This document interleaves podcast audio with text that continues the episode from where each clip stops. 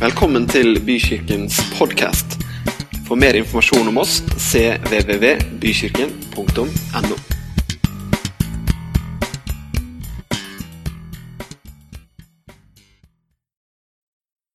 Forrige søndag så snakka vi om å fortsette. Det har dere allerede fått skjønt, at vi snakker om å fortsette. Og hvis jeg oppsummerer de samtalene jeg har med mennesker, de møtene jeg har med folk, familier i ulike situasjoner osv., så, videre, så handler veldig mye om å oppmuntre mennesker til å fortsette hvis de da går på den rette veien. Eh, det er nyttår, og jeg har eh, ikke et sånt eh, 'Dette er verset for dette året', eller 'nå skal vi bytte fil og kjøre en helt annen, helt annen retning', eller noe. Men derimot så tror jeg virkelig at det å fortsette den vandringen, det livet man har begynt på som troende, er utrolig viktig. Så rådet jeg gir på ulike måter, det jeg ofte liksom preker og deler inn i situasjoner med folk, er nettopp det Fortsett! Du er på en god vei. Fortsett livet med Herren. Og Forrige søndag så snakka vi om tre ting. Vi snakka om å fortsette i fellesskapet med Jesus. Det grunnleggende, det viktige. Og vi snakka om det med at Jesus han er både frelser og herre. Og hvor viktig det er å leve i det, ikke bare som en opplevelse som en eller annen gang har vært, men at vi fortsetter i fellesskapet med Jesus. Jo, men er det ikke sånn da at jeg har jo blitt kristen en gang, jeg har jo tatt et valg en gang, og så er det bare sånn at eh, da, da, går det av seg selv? Nei, det kan vel alle her skrive under på at de ikke gjør? Kan dere ikke det? Hvis du sparker til en ball bortover, så fortsetter jo den ikke i all evighet. Gjør det?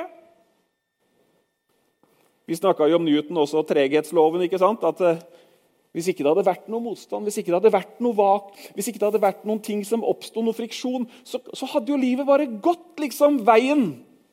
Nå går det veien! Sier vi når det går bra, gjør vi ikke det? Nå går det veien. Men vi opplever jo stadig i livene våre at det ikke bare går veien. Og Derfor så er Bibelen full av oppfordringer. Paulus skriver i brevene sine stadig vekk om å fortsette. Og Vi snakka jo om det, om å fortsette i fellesskapet med Jesus. Om å fortsette det helhjerta arbeidet. Fordi at det vi gjør, det har faktisk en effekt. Det å helhjerta jobbe i Guds rike, det å helhjerta være en del av et fellesskap, det kommer til å gi frukt. Ja, Noen var helt enig, men det gjør det, skjønner du. Løftene er nemlig der at en dag så skal vi komme hjem til himmelen, og da skal vi få lønn for strevet. Vi skal få en krans som ikke visner. Det skal vi, det. Det skal vi, det, Bent Ove. Jeg hører hva du sier. Og så snakka jeg om å fortsette å holde fast ved nåden. Nåden er den eneste måten å komme til tro på. Nåden er den eneste måten man kan bli frelst på. Likevel så har vi mennesker det i oss at vi vil pynte litt på verket sjøl. Ikke sant? Nåde, og så er det liksom full pakke med bud og regler. Og vi har vært flinke i mange, mange, ganger til å liksom sette standarden på et eller annet nivå som gjør at folk føler de faller gjennom. Og så er det, jeg husker en sa til meg, det var veldig lett å bli frelst, men det har vært fryktelig strevsomt etterpå. Han var helt oppriktig. Er det sånn sant, at jeg bare kan ta imot Jesus, og så etterpå så må jeg skjerpe meg på det og det og det og det? og det?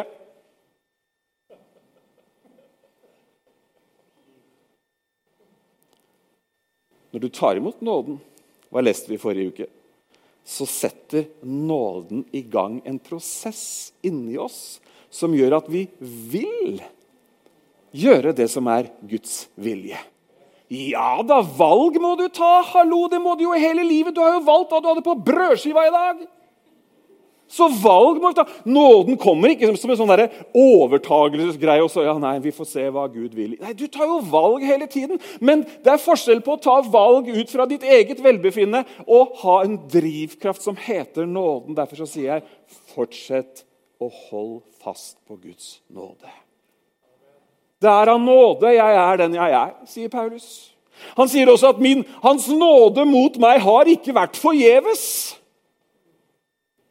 Hvorfor sier han det? Jo, fordi at Noen ganger så kan jo nåden bli forgjeves. da. At ikke det spiller noen rolle, for du har tatt imot Guds nåde, men så fortsatte du på din egen vei. Så fortsatte du å prøve å pynte på det ene og det andre. Men nei, Hans nåde mot meg har ikke vært forgjeves. Dere, la oss alltid vende tilbake til at det vi er, det vi har, det vi har fått, det er på grunn av nåde. Se, der var dere med. Veldig fint. Dere, I dag så fortsetter jeg på fortsettelsen. Skal ikke slite ut det ordet, altså, men det blir jo litt sånn, noen maser mye om det. Men altså, fortsett! Og vi skal lese i 1. Peters brev 1.22. Fortsett å elske hverandre. Hm.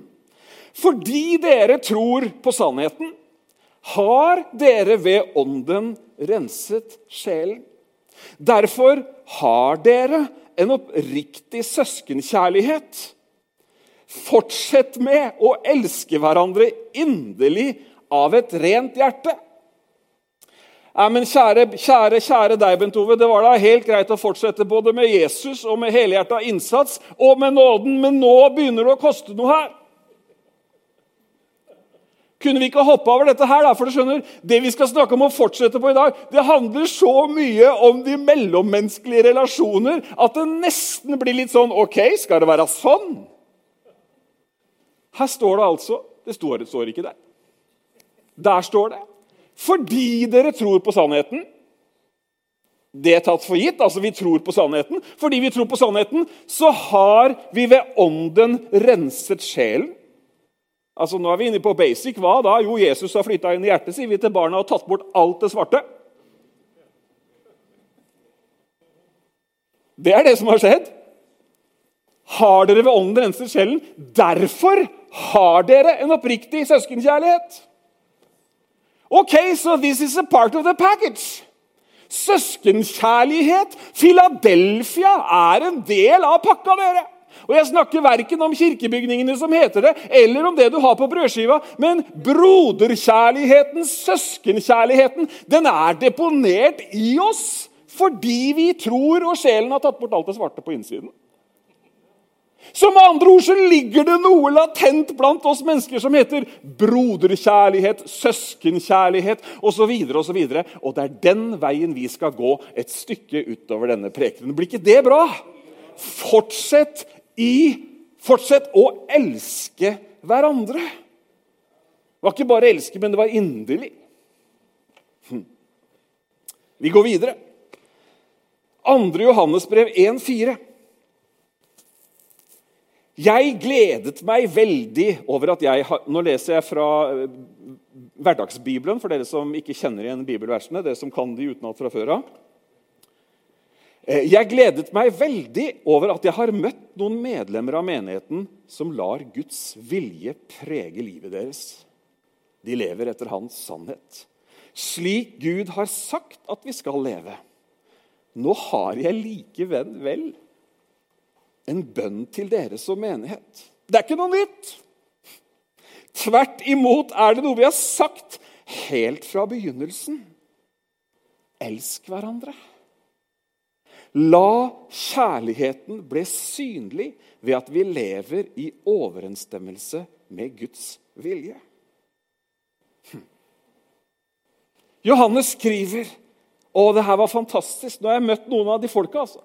Han skriver, Hvis Johannes hadde vært en del av bykirken, så skriver han nå, nå har jeg møtt noen av de her bykirkenfolka. Det det er skikkelig fine folk. ass. De lever jo etter Guds vilje. De, de, lar jo, de lar jo Guds vilje prege livene deres. Det er litt av skussmål å få. Jeg har egentlig ikke begynt å tenke om hva det skal stå på gravsteinen min, men det hadde jo vært flott. Og liksom ettermælet var 'han levde etter Guds vilje'. Jeg skal skrive det, sa du det? Du kan skrive det. Du har tenkt å leve lenger enn meg? Ja? Ja, ja, ja, du har jo fødselsåret på din side, kan du si.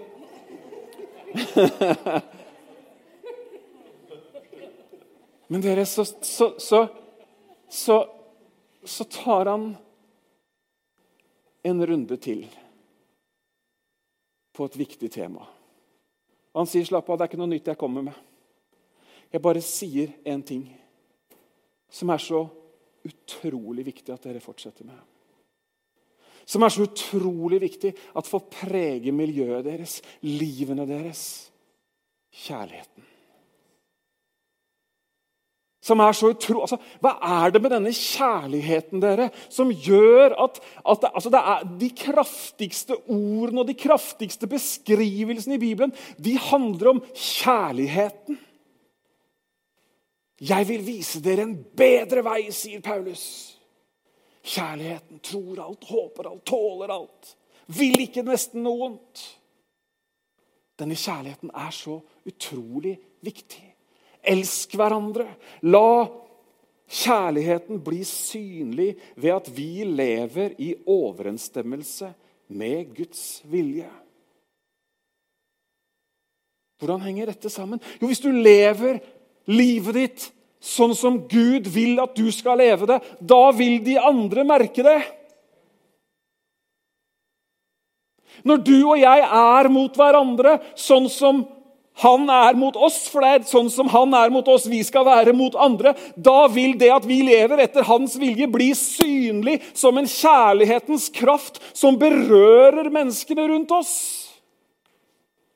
Jeg tror at dette budskapet kanskje er spesielt viktig, for det handler om en holdning mot hverandre, enten vi er medlemmer i samme menighet, enten vi er trossøsken, eller vi er naboer eller kollegaer, eller hva det er, så lever vi på mange måter i en tid hvor ikke vi akkurat kan si at ja, det er nestekjærligheten som dominerer.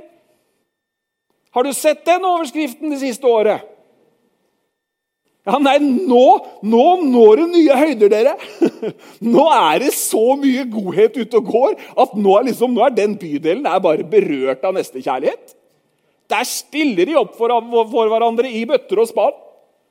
Det er mange som gjør, gjør, litt, altså. Men du skjønner at når, når kjærligheten, når vi lever livene våre i Guds vilje, så lever vi på en sånn måte som gjør at kjærligheten berører vår neste. Amen. Vi må gå videre. Det er så mange skrivsteder i dag. Jeg lar skrivstedene gjøre jobben. Johannes 13, 31. Men dette Det er Jesus som snakker. Men dette vil jeg si dere elsk hverandre. Elsk hverandre på samme måte som jeg har elsket dere. Når dere viser en slik kjærlighet til hverandre, vil folk skjønne at dere er mine disipler. De vil se det på kjærligheten dere viser til hverandre. Hm. Jo, men Betyr ikke det bare at vi skal være hyggelige mot hverandre? da? Du skjønner at Hvis du sjekker hvilket ord som brukes for å elske i det verset her, og i de andre versene hvor det er snakk om at du skal elske noen andre, jeg skal elske noen andre, så er det ikke sanselig begjær. Det er ikke eros som blir brukt som beskrivelse. Det er ikke en vennskapelig kjærlighet, det er ikke filio. Nei, vet du hva? Det er agape. Guds type kjærlighet som brukes. Så når det står at du skal elske meg og jeg skal elske deg, så står det agape på grunnteksten. Det er den kjærligheten som vises og som utøves uten en tanke om å få noe tilbake. Det betyr at den er betingelsesløs. Den er ikke egosentrisk. Den, er ikke, uh, den har ikke tanken hva, 'hva kan jeg få ut av dette?' Men nei, snarere tvert imot. Den tenker ene og alene på det som er det beste for den andre. Er ikke det fantastisk? Og det revolusjonerende eller det kraftfulle er jo at dette er beviset. De der som ennå ikke tror, ser og skjønner at vi er troende. At vi elsker hverandre. Er ikke det fantastisk? da? At liksom vi bare kan gjøre Guds vilje, være fylt av Hans kjærlighet. Ikke bare sånn for oss selv, men la det slippe ut videre. Og så skjønner de Konklusjonen blir han må jo være en kristen, han der. Jeg har møtt noen sånne, har ikke du også det? Mennesker som du ikke kjenner, som du bare tenker altså han er jo bare nødt til å være frelst. Og Veldig ofte så er det jo det. da. Det finnes jo noen gode som ikke er det òg, altså. Slapp av. Men det er jo helt nydelig. I Galaterbrevet 5 så står det også om kjærligheten og hvordan vi skal være overfor hverandre. For dere, ble, dere er blitt kalt til frihet. Denne friheten skal selvfølgelig ikke brukes som en unnskyldning for å leve et egoistisk liv. Dere skal leve for hverandre i kjærlighet. Hele Moseloven kan nemlig sammenfattes slik du skal elske dine medmennesker slik du elsker deg selv. Og så er det jo et snev av erkjennelse, da. Vi skjønner jo at han eh, lever blant vanlige mennesker. Han er Paulus også. Dersom dere likevel krangler med hverandre Jeg vet ikke om du har vært der noen ganger? Den ene gangen hvor det slo til. Så pass endelig på at dere ikke skader hverandre, da. Altså, ikke, ikke ta fighten så langt liksom at Holdt på å si at du måtte dyrlegen. Dere, det ville være ille om noen ikke holdt ut i fellesskapet deres.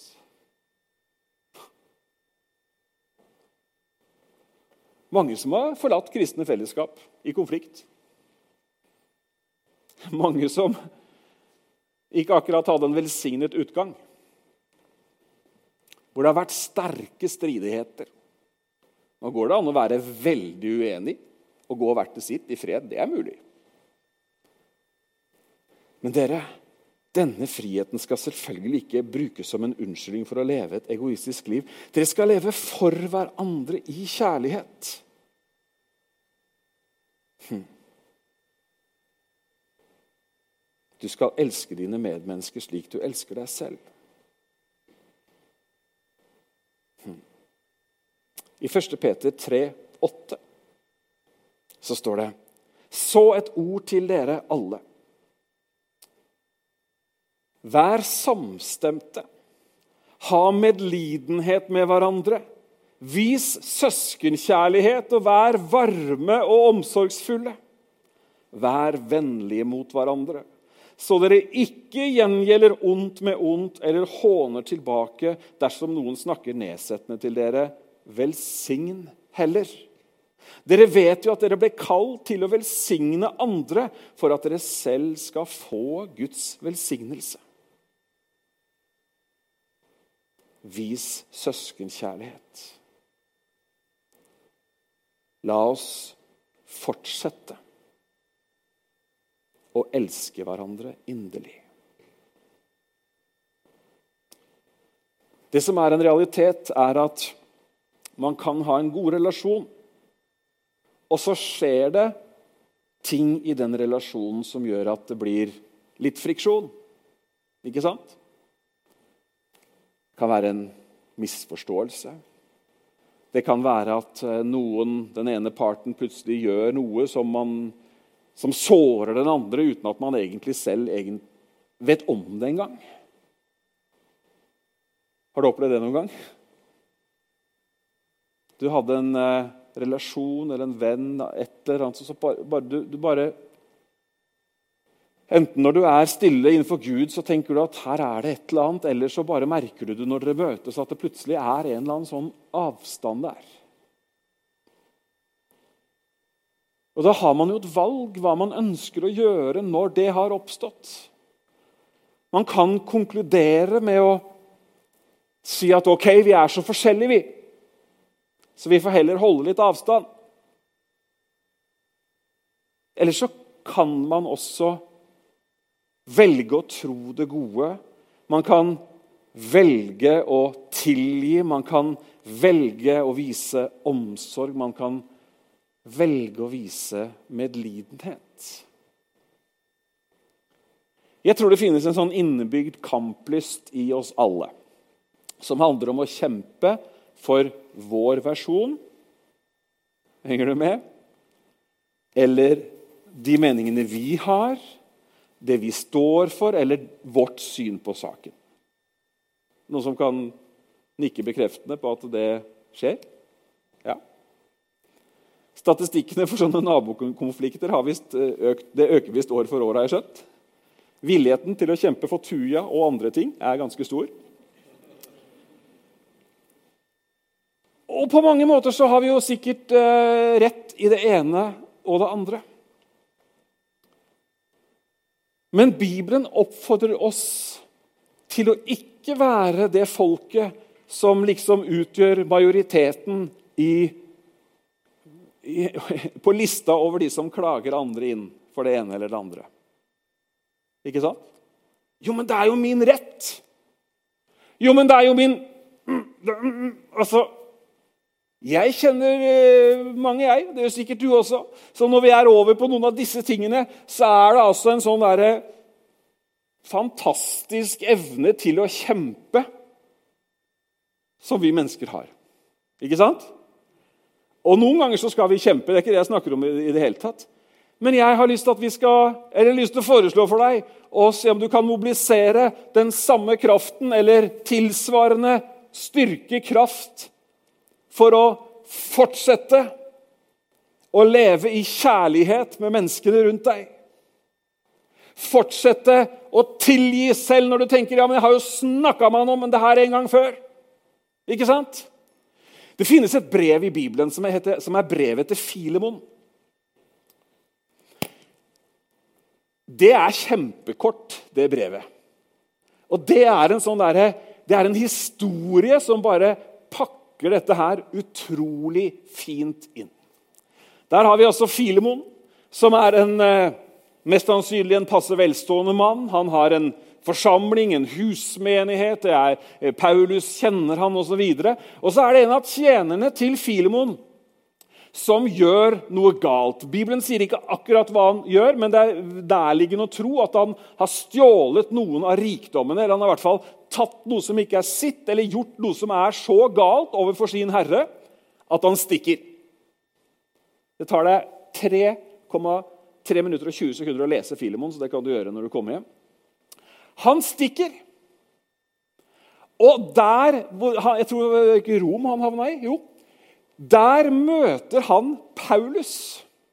Paulus, den store apostelen. Han som selv var en forfølger, og som hadde møtt en så inderlig kjærlighet på tross av alt at han ble helt slått i bakken. Han ble slått i bakken bokstavelig talt, til og med.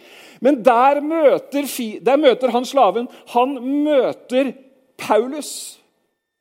Og så kommer han til erkjennelse, eller han innrømmer, i hvert fall forteller hva som har skjedd. og så, Sånn vi leser det, så ser det ut som han rett og slett holdt på å si, knekker sammen og ber om tilgivelse og, og, og tar imot frelsen. Og så skriver Paulus dette brevet til Filemon. Og så skriver han, du, Filemon, nå er det sånn at han derre som har rømt fra deg. Han er kommet hit. Jeg har snakka med han. Og jeg kunne, sier Paulus, jeg kunne egentlig tatt liksom brukt autoriteten min og sagt jeg sier, siden jeg er apostel og det ene og det andre, så må du ta han tilbake. Nei, men han gjør ikke det. Han bare henstiller til å få tak i hjertet i det han skriver. Og så sier han nå nå sender jeg han tilbake til deg, og jeg ber deg, Filemon. Ta han imot som om det var jeg sjøl som kom. Der står altså Filemon. Han er fornærma. Noen har tråkka han på tærne, noen har rappa noe som er hans. Altså, Han har bare alle mulige grunner til å si 'hallo, han skal straffes', send han gjerne tilbake, men han skal jammen få'. Men så ser vi Paulus i en Kristus-skikkelse, hvor han sier om han skylder noe Han gjør jo det, da. Sett det på min regning, sier Paulus. Skylder du noe? Det er noen som har tatt den regninga.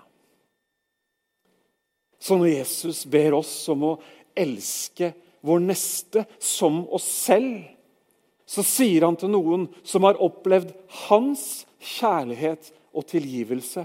Og det blir utgangspunktet for at du og jeg kan elske vår neste. Ikke som et påbud fra en pastor, ikke som, en, eh, ikke som et eh, gjøremål av religiøs karakter, men mye heller som en, som en respons på at vi selv har opplevd denne kjærligheten.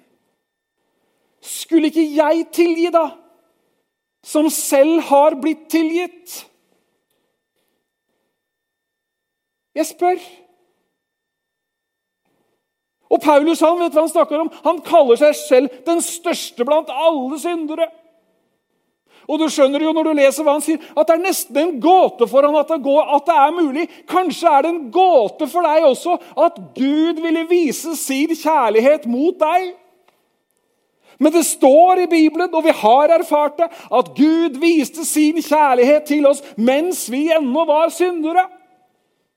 Midt i en situasjon hvor vi skyldte noe, midt i en situasjon hvor ting ikke var bra, så kom Guds kjærlighet. Det er nåde over nåde. Men så er det sånn at selv om vi kunne ha vært i forelskelsens rus over oss selv ha opptatt, opplevd Guds kjærlighet, vi nyfrelste eller nyfornyede eller hva det er, så er det sånn at vi mennesker i våre sinn og så, videre, så slår vi tilbake på default. Er kjedelig når du endrer ting, og så blir det sånn default med en gang allikevel. For de av dere som skjønner hva jeg snakker om. Det er, og det handler ikke om at vi ikke er frelst handler ikke om at vi ikke følger Jesus. Det handler bare om at vårt menneskelige sinn, mens vi er her nede, så er, det, så er, vi gjenstand for konstant påvirkning. Vi er gjenstand for friksjon. og Derfor sier han da at 'jeg sier ikke noe nytt'. Jeg sier noe som jeg egentlig har sagt helt fra begynnelsen av. Men det er tydelig dere at det er et poeng å minne på at vi skal fortsette å leve i Guds kjærlighet. At vi skal fortsette å elske vår neste. Åpenbart så var det sånn at folk slutta å elske det neste. At de ble harde i hjertet, at de ble fulle av utilgivelse osv. Jeg snakker ikke til noen spesielt nå, men jeg tror at jeg snakker til mennesker generelt om at vi derfor trenger å bli munnet på at vi skal fortsette å elske hverandre. Amen. At det er noe som kan på en måte liksom nesten forvitre litt lite grann, hvis ikke vi får påminneren, hvis ikke vi lever nært i fellesskapet Jesus Kristus, hvis ikke vi fortsetter med det helhjertede arbeidet og fortsetter i nåden, så kan vi havne et helt annet sted. Jeg har møtt noen mennesker som på ingen måte kan beskrives som tilgivende, myke eller elskede. Som har all bekjennelse korrekt, som kan sitere skriftsteder, som har sikkert både den ene og den andre gaven. Men vet du hva? hvis ikke dere har kjærlighet, da er det ingenting, sier Paulus. Det er radikalt. Les hva han skriver til Korinterbrevet. Han lister opp det ene og det andre. Han sa det er bare lyd og bråk og tidsfordriv hvis ikke dere har kjærlighet. Kjærlighetens kraft, dere. Oi, oi, oi, oi. Når du opplever å bli elsket Ikke likt fordi du passer noen kriterier, men når du opplever å bli elsket, og du veit at nå opplever jeg Guds kjærlighet, nå opplever jeg menneskers kjærlighet Det er en enorm kraft en enorm styrke. La oss fortsette å elske hverandre inderlig.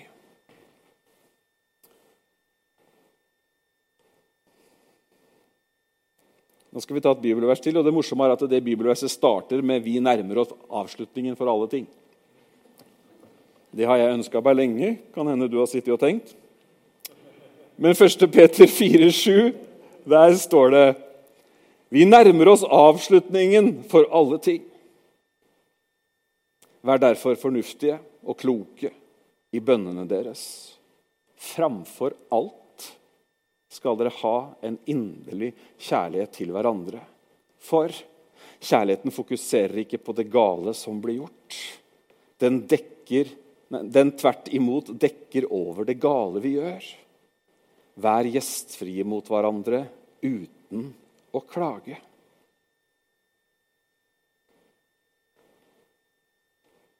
Hvis det hadde vært sånn at dette var den eneste gangen det sto at vi skulle ha en inderlig kjærlighet for hverandre, så kunne man tolket Bibelen og så kunne man sagt at ja, han var nok ganske amorøs i dag.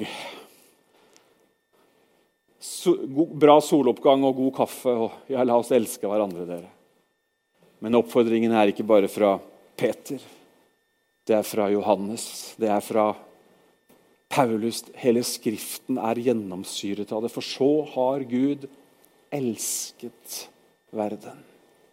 La oss fortsette i den fantastiske kjærligheten. Amen.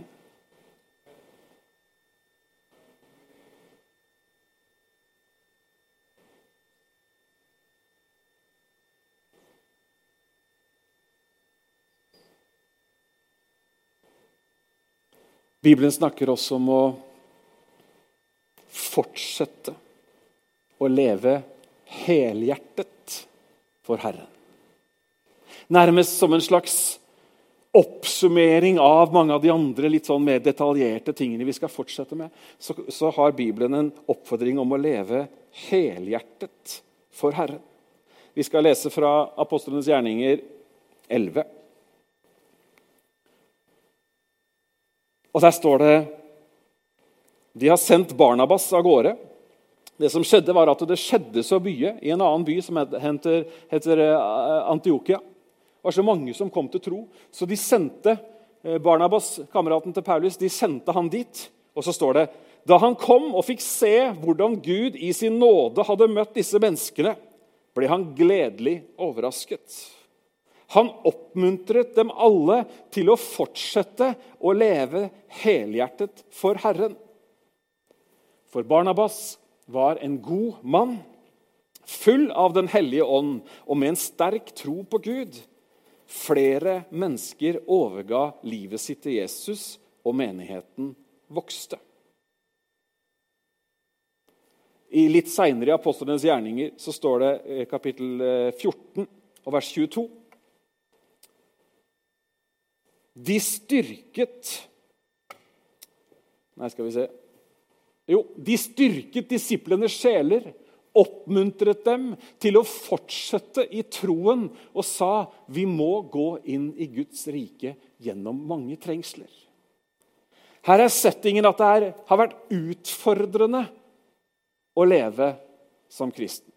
Jeg vet ikke om det er noe du på en eller annen måte kan kjenne deg igjen i. Kan du det? Kan du kjenne deg igjen at det er utfordrende noen ganger å liksom holde flagget, for å bruke det bildet? At man kjenner at det er andre ting man også har lyst til.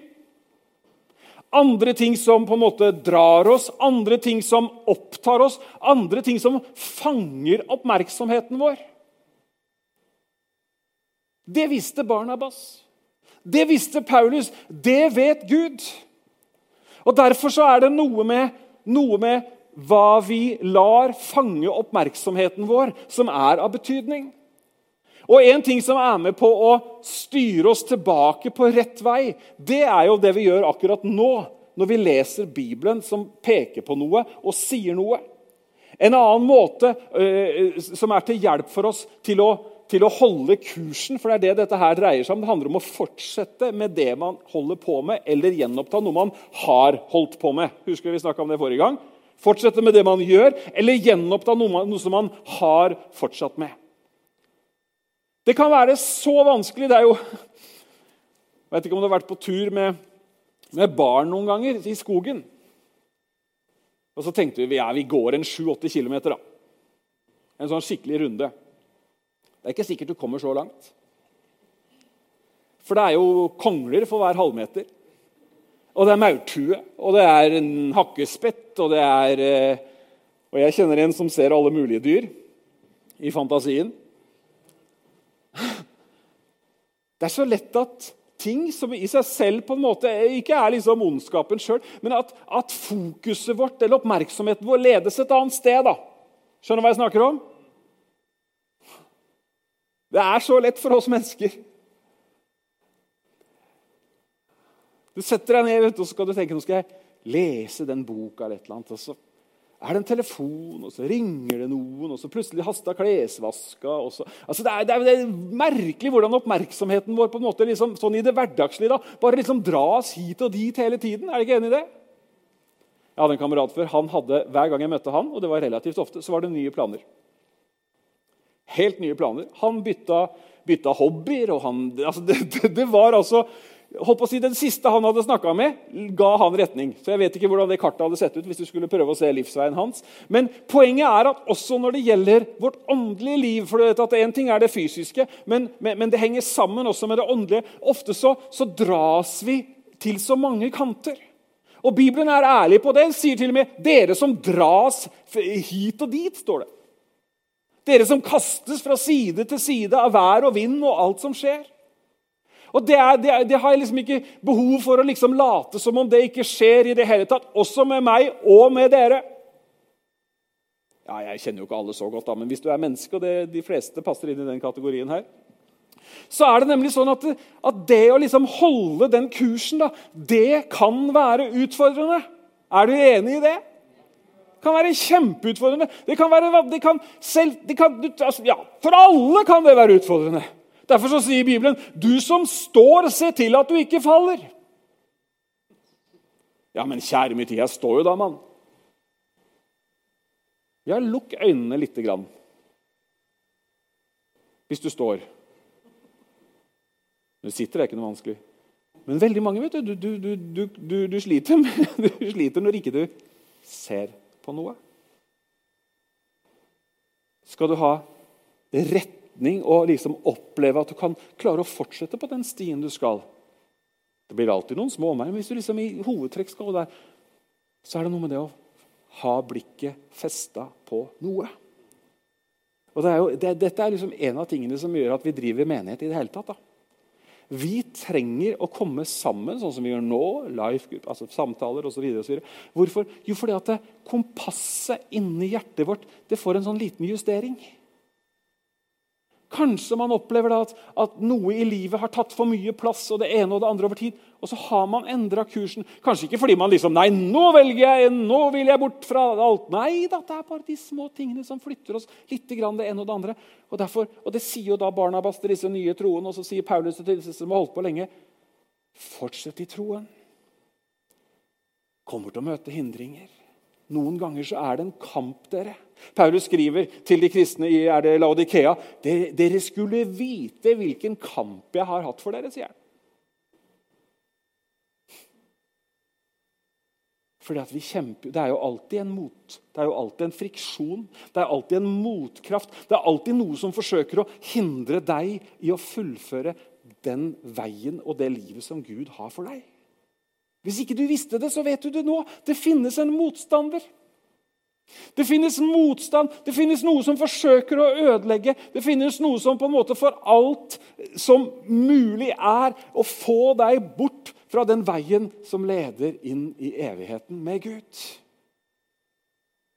Sånn er det. Vi bruker ulike navn på det, men sånn er det. Men Herrens ord lyder til deg i dag, og det sier 'fortsett i troen'. Kanskje noen trengte å høre det spesielt i dag. Kanskje du, kanskje du, til og med har tenkt, og det er lov å tenke, for det tenker vi noen ganger som mennesker. Er det noe vits? Hm. Nytter det? Ja, det nytter. Ja, det nytter.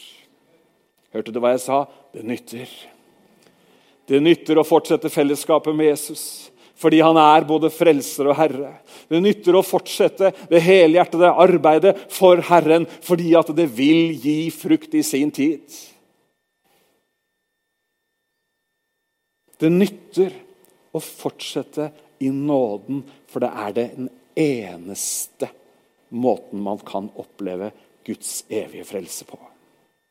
Ikke ved oss selv i det hele tatt. Og la oss også fortsette, som jeg har snakka om i dag, å elske hverandre. La kjærligheten flyte. Hm? Skal vi gjøre det? Jeg snakker ikke om her på søndager, for her er det ganske hyggelig. Er det ikke det? Jeg har til og med fått servert kjeks i benkeraden de siste ukene. Nå er vi tilbake på kafé igjen. Er ikke det bra? Altså, her, er over, her, er det jo over snittet hyggelig. Det var som jeg sa som var på besøk her. Det var, det var, over, det var, det var langt over gjennomsnittet hyggelige mennesker der. sa. Ja, men det er fint. Det er fint.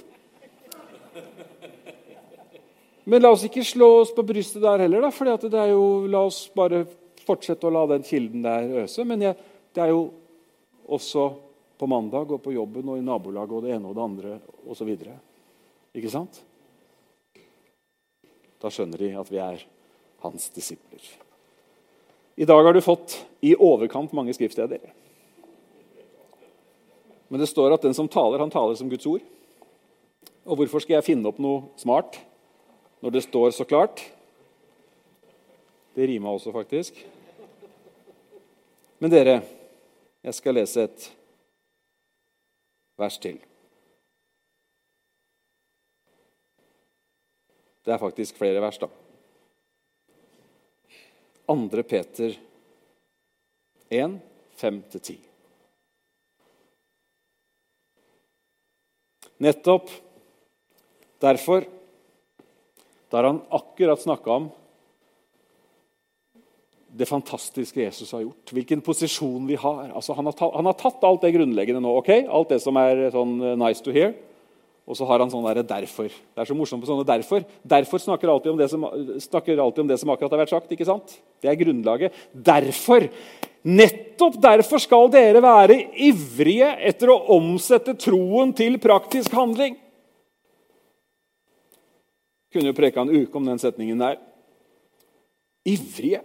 La livet deres preges av kunnskap, for kunnskapen skal føre til selvbeherskelse. Og selvbeherskelse og Selvbeherskelsen skal føre til utholdenhet, og utholdenheten gir respekt for Gud.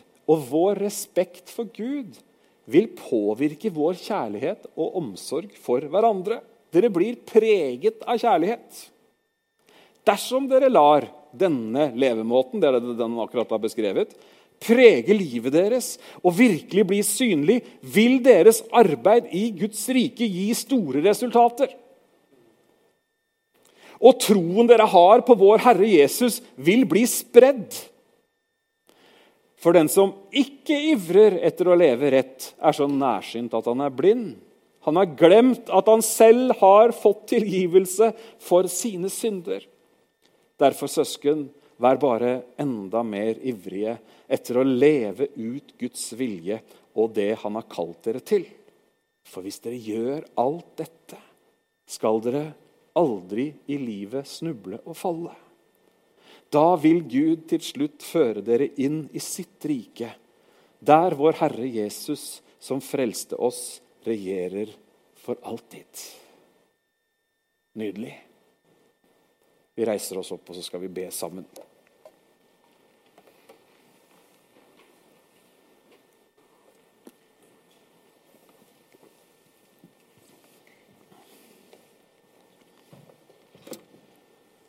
Takk, Jesus. Det er så fantastisk med Bibelen, dere, er det ikke det? Og jeg sitter noen ganger og koser meg altså, når jeg åpner boka, enten det er på skjerm eller i boka, og bare eh, Disse brevene, dere. Ta deg en runde i brevene hvis ikke du har gjort det på en stund. Altså, det, er, det er så praktisk, det er så lett å forstå, det er så godt å kjenne at de her sannhetene som virkelig har livet i seg, at de finnes der, og at vi kan ta imot dem. Ikke bare ta imot dem ved å sitte og høre, men også la det få påvirkning på livene våre. Jeg har lyst til å be for deg som ønsker å fortsette. Enten du er av de som fortsetter fordi du liksom allerede er i gang og bare vil fortsette, eller om du har lyst til å ta opp stafettpinnen igjen, for å si det sånn, eller komme i gang igjen med det du har vært i gang med. Det er jo de to betydningene av 'fortsette' som vi har snakka om. Du som har lyst til å være, bli inkludert i den bønnen, kan ikke du gi meg et tegn hvis du vil fortsette? Fortsett i troen. Fortsette i fellesskapet med Jesus. Fortsett i nåden. Ja, det er mange. Kjære Herre Jesus. Takker deg for hver eneste en, Herre, og mine brødre og søstre. Og som vil fortsette. Som vil fortsette med deg. I arbeid for deg. Fortsette i din nåde. Fortsette i kjærlighet. Takk, takk for at drivkraften til å fortsette er din egen kraft, Den hellige ånd. Takk at du har øst ut din ånd i våre hjerter, Herre. Og takk at vi kan drikke av den kilden som gir oss krefter, som gir oss styrke til å løpe én distanse til.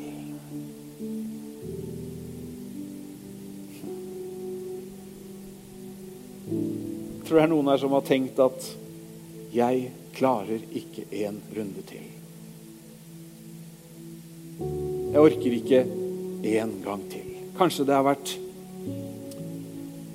et eller annet vondt som har skjedd, eller noen sår, eller et eller annet. Hvert fall så har du tenkt at jeg får finne min vei oppi alt dette her. Men så kjenner du allikevel et sånt rop om å fortsette.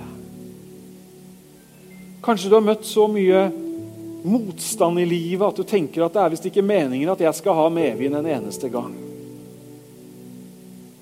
Også til deg lyder ordene fra Bibelen om å fortsette. Ikke fortsette fordi du har tatt deg sammen, men fortsette fordi at du velger å la Han, som er alfa og omega, han som er begynnelsen og slutten, han som er og som var og som alltid vil være. Du lar han slippe til i livet ditt nå. Takker deg, Herre, for ny styrke. Hmm. Nye beslutninger om å følge deg, Herre. Fordi at din nåde fører oss fram. Hmm. Takk, Herre.